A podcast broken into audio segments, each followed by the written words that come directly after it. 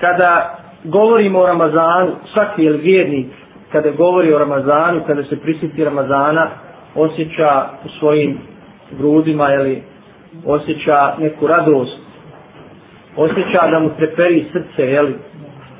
Jer u istinu mjesec Ramazan je jedan jedan dragi gost, svakom vjedniku, jedan dragi gost. Zbog čega je drag? Mnogi ljudi se raduju dolasku Ramazana. Međutim, razlozi te radosti su različiti. Ne raduju se svi Ramazanu zbog istih razloga. Neki se raduju što će u Ramazanu imati godišnji, pa neće raditi. Neki se raduju što će uz Ramazan biti obilnija sofa. Biće lijepi sjela i druženja, slatkiša i dobrih kolača. Pravi vjernik, nasuprot svih, raduje se ovome mjesecu, što je ovaj mjesec, prije svega, jedna prilika za duhovno uzdignuće, jedna velika prilika za čišćenje od grijeha, za pokajanje, jedna prilika da se približi svome gospodaru i da se obogati. Čime da se obogati? Ne da se obogati ovo dunjalučnim bogatstvima nego da se obogati bogatstvom ahireta to jest dijelima koja će naći na onome svijetu znači mi za par dana dočekujemo tog tog nama dragog gosta svakom vjerniku dragog gosta i znači pravi vjernik onaj koji razumije svrhu i smisao Ramazana i posta i svih drugih ibadeta u tom mjesecu, on se raduje tom mjesecu zbog toga. Raduje se zbog ovoga što smo naveli. Nažalost, mi ćemo, jeli, ako malo analiziramo stanje muslimana uopće, ne samo ovdje kod nas, vidjet ćemo, jeli, da se, da je manji broj oni koji se Ramazanu raduju zbog ovoga. Zbog ibadeta, zbog prilike da se duhovno uzdigne, da se popravi, da bude bolje vjerni. Znači ovaj mjesec, draga braće sestre, je jedinstvena prilika za celbu, za duhovni preporod i da se pripremi što više dijela za onaj svijet. Zato se radujemo tom mjesecu. I u istinu, to je jedinstvena prilika jer se samo jednom u godini ponavlja. I nikada se više ne vraća u istoj godini. I onaj ko ga ne iskoristi, neće ga nikada moći nadoknaditi. Onaj ko ne iskoristi Ramazan, ne može ga nadoknaditi. Jer sljedeće godine dolazi drugi Ramazan, u kojem ga očekuju druga djela. Čekuje ga druga prilika, prvo je propustio. Ako imamo ovakav pristup Ramazanu, i ako se zbog ovoga radujemo Ramazanu, onda, onda je naša radost znači ispravna i opravdana. Zato mi, ovaj, baš nam je se i potrefilo da prije na nekoliko dana govorimo o tom Ramazanu, jer uistinu je potrebna priprema. Potrebna je priprema.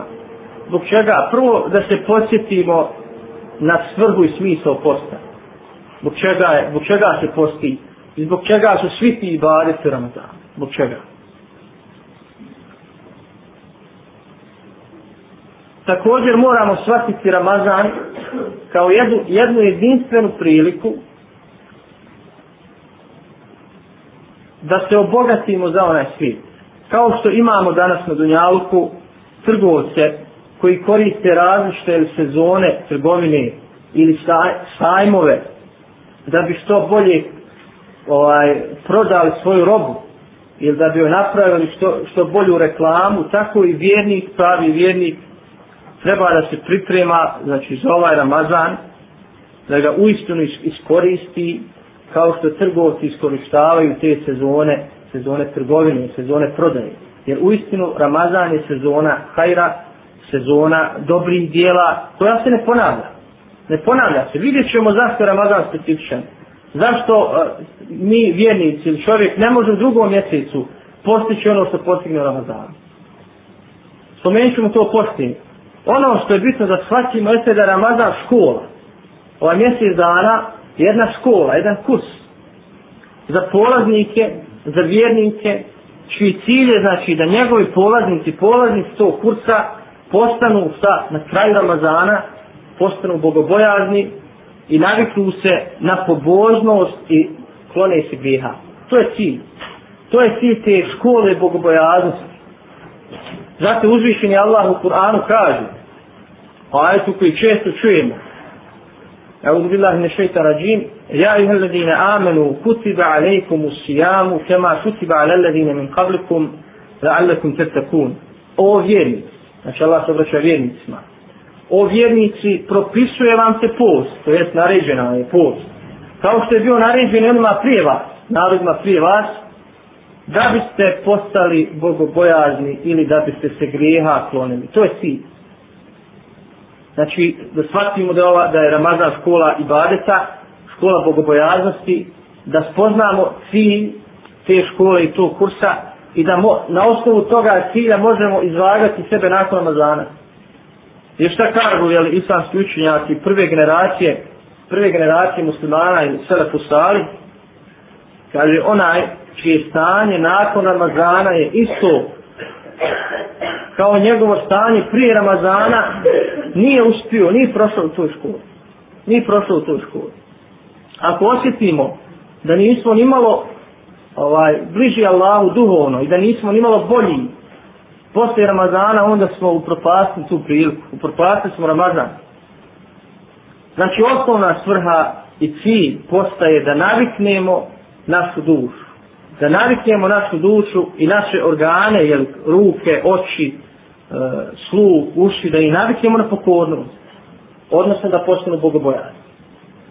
Jer u istinu Ramazan sa svim, sa svim svojim ibaditima i obavezama, kao što je prije svega post, kao što je namaz, teravija i posebno propisano za Ramazan, nemaju u drugom mjesecu. Kao što je sadaka, kao što je učenje Kur'ana, sve je propisano s ciljem da naviknemo sebe na, da naviknemo sebe na pokornost i na dobra djela i da se odviknemo od griješenja. Da se odviknemo od griješenja.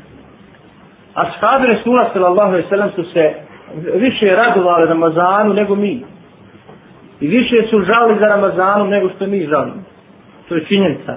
Gledajući njih kao generaciju, jednu, kao generaciju muslimana, oni su nedostižni. Kaže, mnogi od njih su šest mjeseci šest mjeseci, znači prije Ramazana, molili Allaha da dočekaju Ramazan.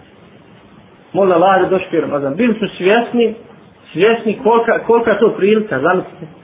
Kao što danas ljudi, kada i prođe nešto, recimo veliki trgovci ili recimo sportisti, kada i prođe nešto o čemu se nadal, to im to promakne, očekivao to godinu, pola godine, uveliko se, znači uveliko žali, tako su ashabi žalili, jeli, ako ne bi dočekali Ramazan.